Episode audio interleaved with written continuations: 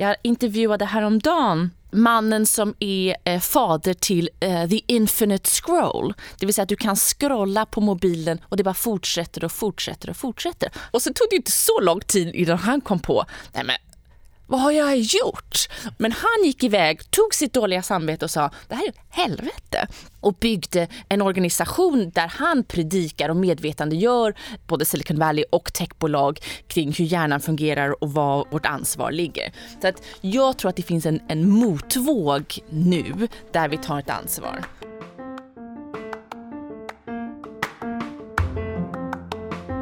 Du lyssnar på EFN-podden Fattig eller rik med mig Ara Mustafa och Amelia Adamo. Det här avsnittet är del två och i den här delen kommer vi gå in på framtidsspaningar inom techbranschen.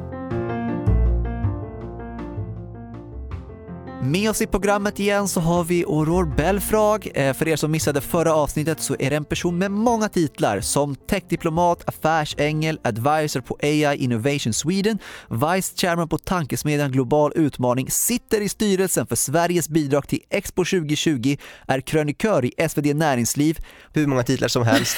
Eh, varmt välkommen Aurore. Stort tack! Hej! Hej! Om vi börjar brett, vilka framtidsutmaningar är viktigast för dig och har du några lösningar på dem? Ja, som jag ser världen så finns det enorma utmaningar.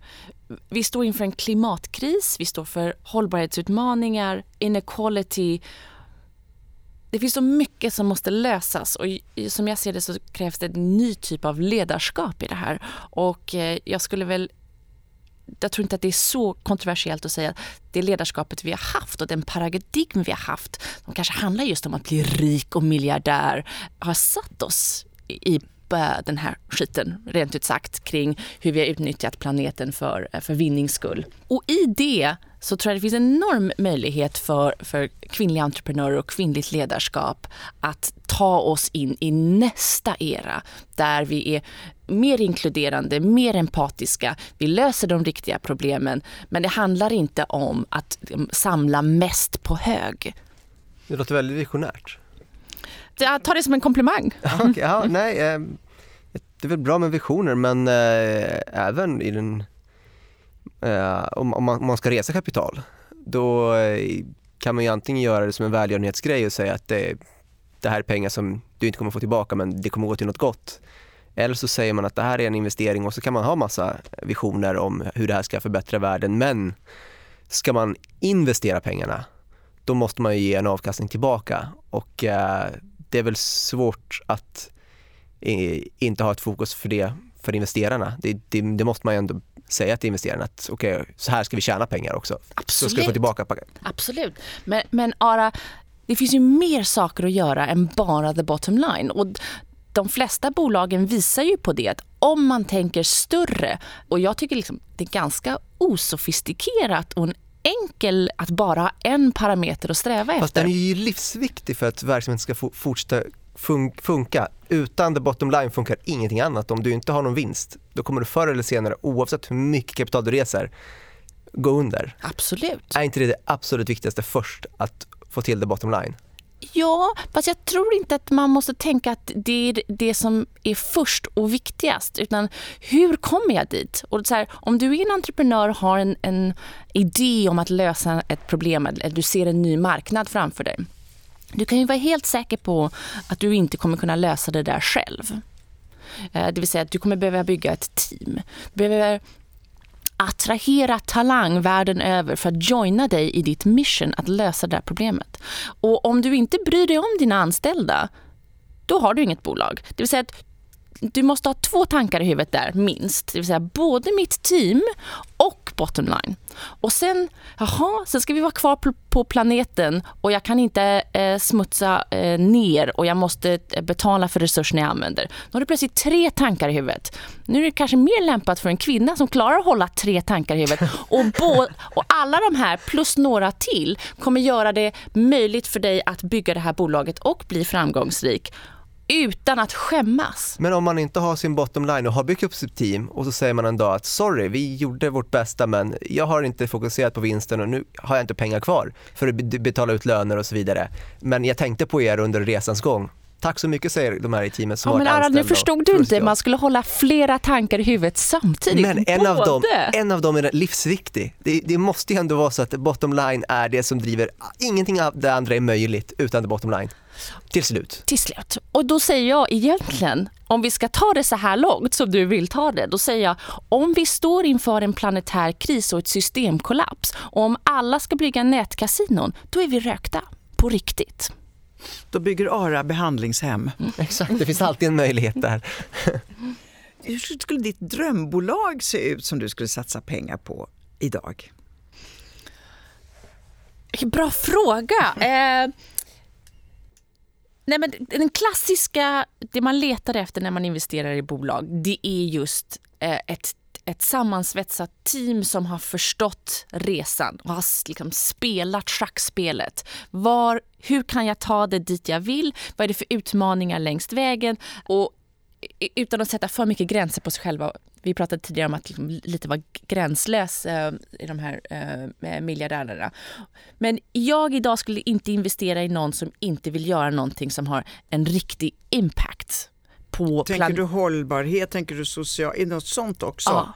Inte, inte enbart bottom line. Å andra sidan tänkte jag på att om man har en, en bara bottom line och så tjänar man jättemycket pengar, då placerar man alla de pengarna i olika såna här sociala, det är så du Som Bill Gates. också. Ja, absolut, Eh, 100%. Bill Mm. Gates kan göra det han kan göra för att han eh, tjänade väldigt mycket pengar. Men det räcker inte för dig, du tycker att företaget Jag tycker ska... det känns så förlegat. Jag blir nästan upprörd när du säger det. Det? Att- Och Bill Gates har ju byggt ett, ett fint bolag med en fin kultur. Så att Bill Gates är inte det exemplet jag skulle ta. Men det finns en annan tradition av att tjäna pengar till varje pris. Och det finns också någon form av eh, ett socialt roster på att det är okej att bete sig hur som helst om man är framgångsrik. Folk har ju fått fortsätta vara eh, arroganta Skitstövlar. skitstövlar Stövlar. för att de har tjänat pengar till bolaget.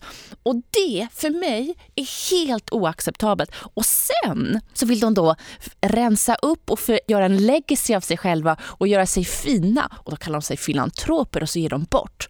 Om du har en tydlig moralisk kompass från början kan du bygga ett fint bra bolag och göra rätt och du behöver inte vara en asshole. Jag, jag vet inte, är inte det den som är bäst på sin marknad som blir bäst om man är en asshole eller inte? Det är väl eh, Ara är lite för assholes och, eh, Nej, vänta. och Rory... Tycker du att man får vara en asshole men om man tjänar pengar så är det okej? Du får inte göra något olagligt, eh, men du får, kan vara en, vara- eh, du får vara en jobbig person, absolut, som är taskig.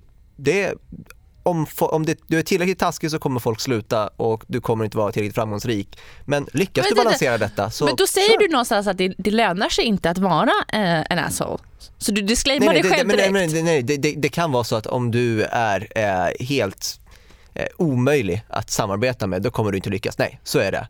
Men eh, Elon Musk är ju inte direkt känd för att vara väldigt, väldigt snäll mot sina anställda. Nej. Han har ju direkt vid ett av sina misslyckade projekt i SpaceX eh, namngav han en eh, ingenjör med för och efternamn och sa att det var allt var hans fel. Var det schysst? Nej. Är Elon Musk framgångsrik? Ja. Är han omoralisk? Nej. Han, det, det, det är mer komplext än så. Jag tror inte att man ska inbilla sig i att man ska vara ha alla egenskaper på rätt ställe. Man ska vara snäll, man ska ha ett företag som är schysst, gör bra saker för världen, man kommer tjäna pengar och alla byggstenar faller på plats. Det, jag tror det... Men tror du inte idag, Ara, att du behöver mer i alla fall än moralisk kompass? Vi får se hur det går för Elon Musk. Men eh, det är ju större krav idag på att du tänker på något annat än bara bottom line. Nej men absolut, du kan tänka på andra saker men utan bottom line så spelar det ingen roll. Dessutom- vi har inte sagt att man inte ska Ja, ha exakt. bottom line utan jag säger att du får inte bete dig hur som helst och gömma dig bakom att du är finansiellt framgångsrik och då får man fortsätta vara ett arrogant svin. Men Nej. ma- man får inte vara som Elon Musk då, att man beskyller en anställd för allt misslyckande för ett projekt. Får man göra så? Som Nej, man, jag tycker inte det. Så Elon Musk gör inte det, saker och ting rätt då? Det, det där tycker jag är ett beteende som jag... Det är ett beteende. Samtidigt så gör han elbilar och ser till att vi har fått en elbilsrevolution. Jag det kan man göra tror ändå. inte Exakt, att ni det är det kommer jag bli menar. sams där nu.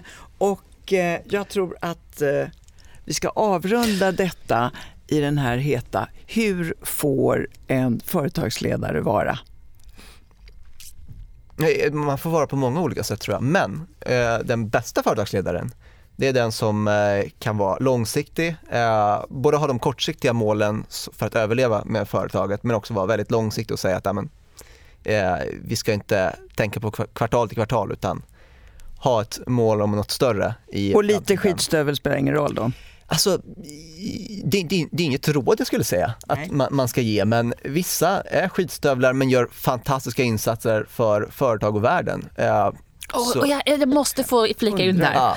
För att tittar du på hur ekonomin ser ut idag eh, och så ser vi att någonstans i slutet på 70-talet så bröts det samhälleliga kontraktet. Eh, och det som då blev personifierat med Gordon Gekko i, på 80-talets Wall Street, där greed is good och vi, och vi tilläts ta för oss själva eh, och inte tänka på det kollektiva. I det så har vi sett att samhället har ju brutits sönder där mer, mer eh, människor är kvar i mitten eller i fattigdom och några få fortsätts få äga och eh, då lyckosamma enligt det, dina kriterier. Och jag tror inte det kommer hålla för att den typen av orättvisa lönar sig inte i längden. Så det är irrationellt och immoraliskt eh, att fortsätta att ta bara några få kommer lyckas i samhället. Och när vi ser artificiell intelligens nu kommer att öka på detta, det vill säga att de- som äger kapitalet kommer fortsätta kunna eh, skapa pengar och de som arbetar i kommer inte. Så jag är orolig för revolution och vi ser den populistiska vågen så här, som drar över världen. Så att jag tror inte att det kommer att hålla. Det lönar sig inte eh, i längden. Jag- Det, jag började hålla med dig där, Aurore, därför att idag får man ju reda på allt. Förut så kunde olika eh, svinpälsar bygga eh, slott med kranar och allt möjligt och det var kanske bara lokalt man visste om det. Idag så får du reda på de här orättvisorna väldigt fort och idag har de börjat ag- ag- agera. Titta bara på Greta.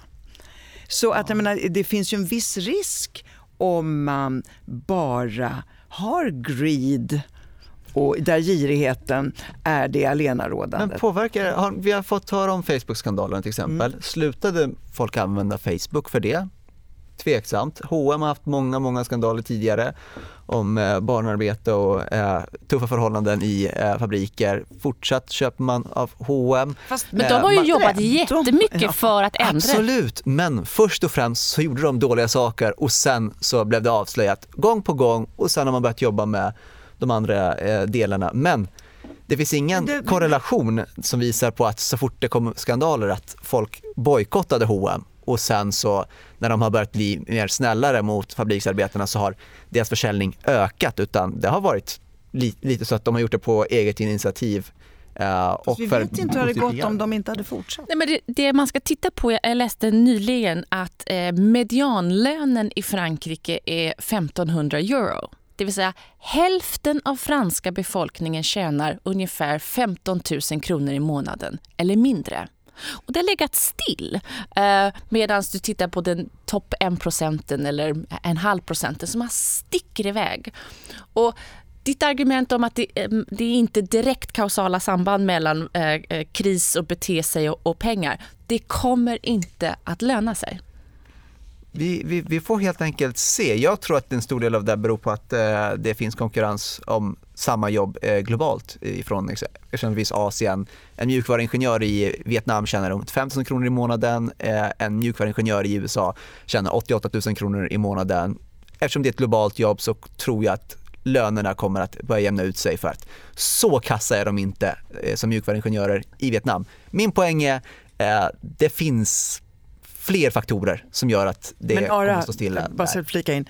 Eh, om man tittar i historien, stora klasskillnader har aldrig lönat sig. Nej, nej, så, att ni förstår mig rätt. Det är ingenting jag önskar Nej, ska hända. att Det är inte så att det här är, jag, jag Se säger upp bara, för massornas raseri. jag försöker bara så att ni skiljer på vad jag önskar Ja. och vad jag tror. Det, det är två vitt skilda saker. Hundra stora vd samlades i, eh, i USA för en månad sedan, eh, round table, för att diskutera just att eh, vi kan inte bara optimera för bottom line. Vi måste in, eh, optimera för impact, miljön, våra anställda stakeholders. Så även dina då uh, big cheese eh, vd nu inser Det är en annan tid. Och i Japan är det lite tvärtom. Där har man tänkt på sina anställda och familjeföretag att man ska hålla eh, god finansiell eh, hållning inom företaget och vara noggranna och därför har man haft en ekonomi som stått stilla och därför försöker man bryta upp det här och bli mer amerikaniserade och göra utdelningar och åt, aktieåterköp och försöka ha en, mot, det är en motsatt rörelse där.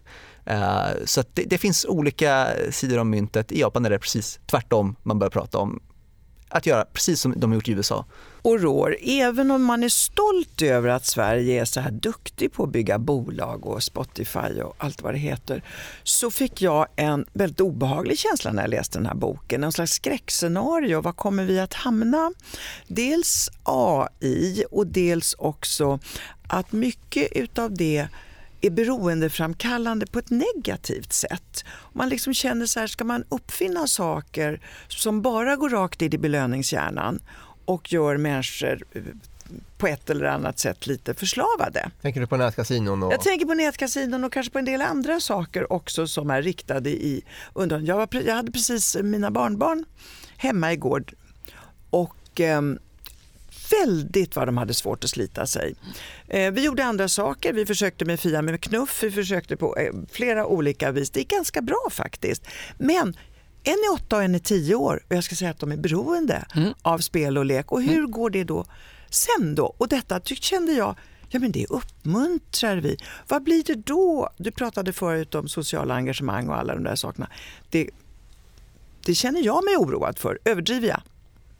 Nej, och som bransch är det ju helt explicit idag att vi jobbar för att kittla dopamin i hjärnan och skapa beroendeframkallning.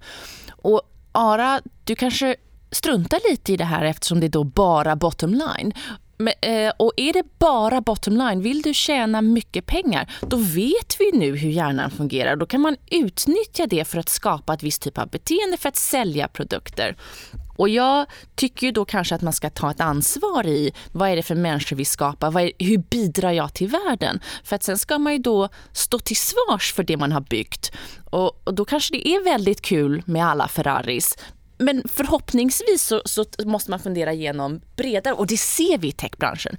Jag intervjuade häromdagen mannen som är eh, fader till eh, the infinite scroll. Det vill säga att du kan scrolla på mobilen och det bara fortsätter och fortsätter och fortsätter. Och så tog det inte så lång tid innan han kom på, nej men vad har jag gjort? Men han gick iväg, tog sitt dåliga samvete och sa det här är ett helvete och byggde en organisation där han predikar och medvetandegör både Silicon Valley och techbolag kring hur hjärnan fungerar och var vårt ansvar ligger. Så att jag tror att det finns en, en motvåg nu där vi tar ett ansvar. Men är inte det oundvikligt att eh, företag som, om det finns saker att utnyttja i vårt beteende för att tjäna pengar så kommer det, och det finns människor som letar efter avkastning så kommer det inte mynna ut ändå till slut till att man, man utnyttjar folks beteenden, att man gör the infinite scroll eller eh, nätkasinoreklam som trycker på precis de känsliga punkterna eller är inte det helt oundvikligt ändå? Men du Ara, vi har politiker också. Ja.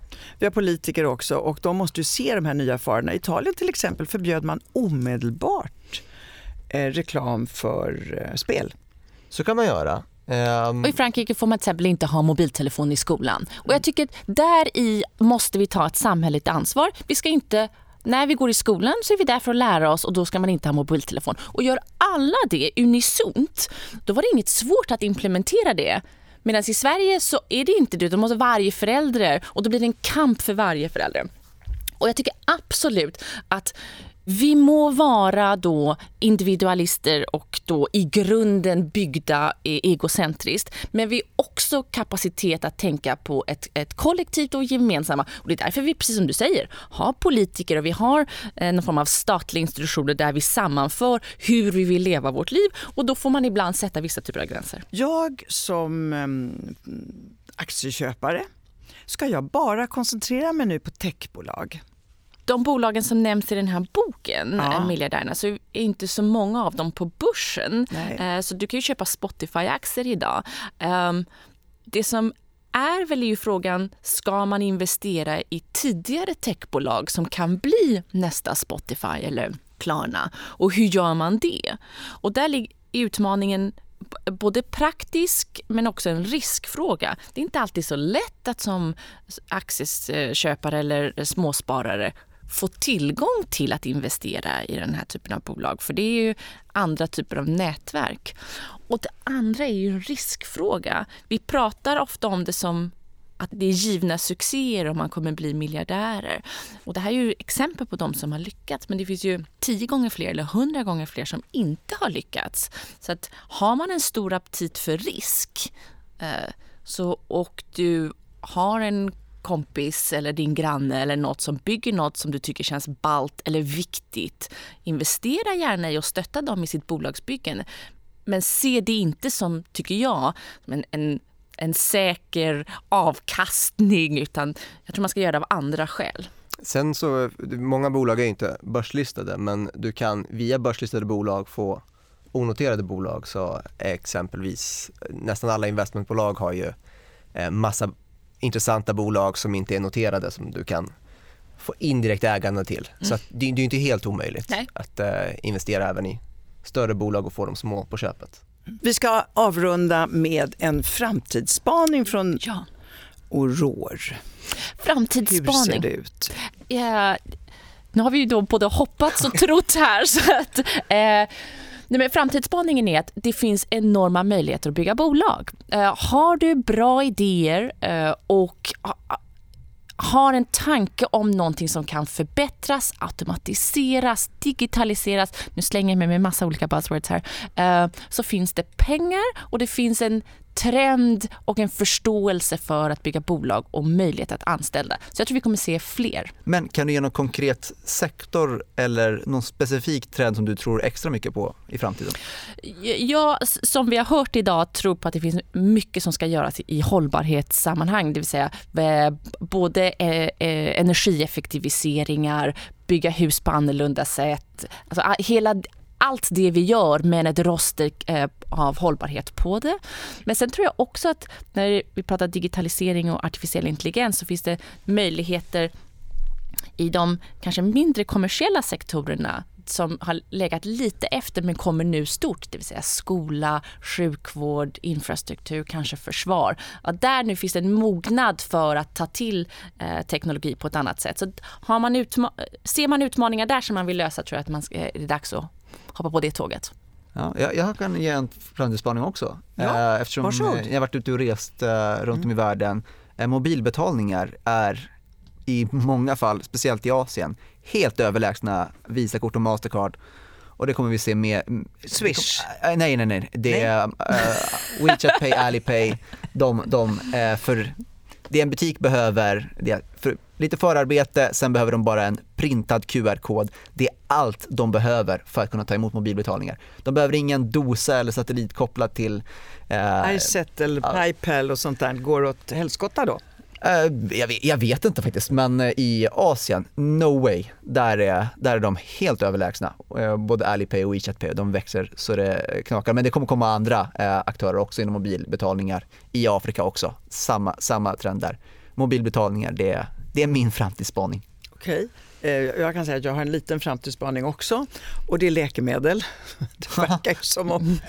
Jag tror läkemedel kommer att bli stort i framtiden. Läkemedel kommer bli ännu större. Man tänker ur psykisk ohälsa och allt annat som... Och sen att vi blir så fruktansvärt gamla. kommer att hålla på och knapra på det här hur mycket som helst. Mm. Och jag vet ju inte hur high-techen och IT och AI och allt sånt kan göra men det känns ju som att det är en enorm bransch. Vi kan ju bara se på Apotea Ja, precis. Mm. Um... Ja, De har med... mycket att köra ut. Jag är med dig på din eh, framtidsspaning. Tack Aurore. Jag kan ju säga att det är sällan jag har blivit så upplyst på kort tid och faktiskt ganska glad. För först blev jag lite eh, sorgsam över Ehm, den här boken, även om det är fantastiskt imponerande. Men det, det lämnade någon slags halv inte sådär jättebra smak. Nu när jag hör dig så känner jag hur hela munnen har fyllts av mint. Tack så hemskt mycket. Tack för att du var här. Du har lyssnat på EFN-podden Fattig eller rik med mig Ara Mustafa och Amelia Adamo och vår gäst Aurore Belfrage. Glöm inte att lyssna på tidigare avsnitt av Fattig eller rik.